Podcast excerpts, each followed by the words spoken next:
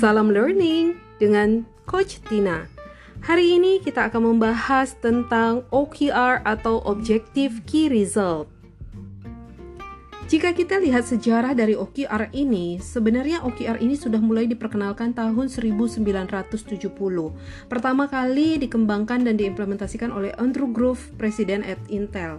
Kemudian waktu terus berjalan, tapi memang banyak sekali waktu itu management tools yang uh, bermunculan, termasuk KPI. Nah, sehingga memang OKR ini tidak uh, mendapatkan buy-in yang cukup besar.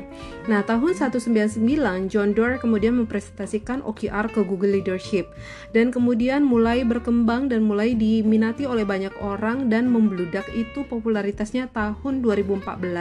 Banyak organisasi across the world yang kemudian mengadopsi hal ini termasuk Indonesia. Hari ini tahun 2020 sudah banyak sekali yang sudah mengadopsi ya konsep OKR ini khususnya perusahaan-perusahaan startup dan perusahaan-perusahaan besar lainnya yang memang sedang bertransformasi. Jadi kalau kita lihat tidak sedikit memang organisasi organisasi yang sudah menerapkan sistem OKR instead of KPI ya. Nah, nanti kita akan bahas lebih lanjut sebenarnya apa OKR dan perbedaannya dengan KPI.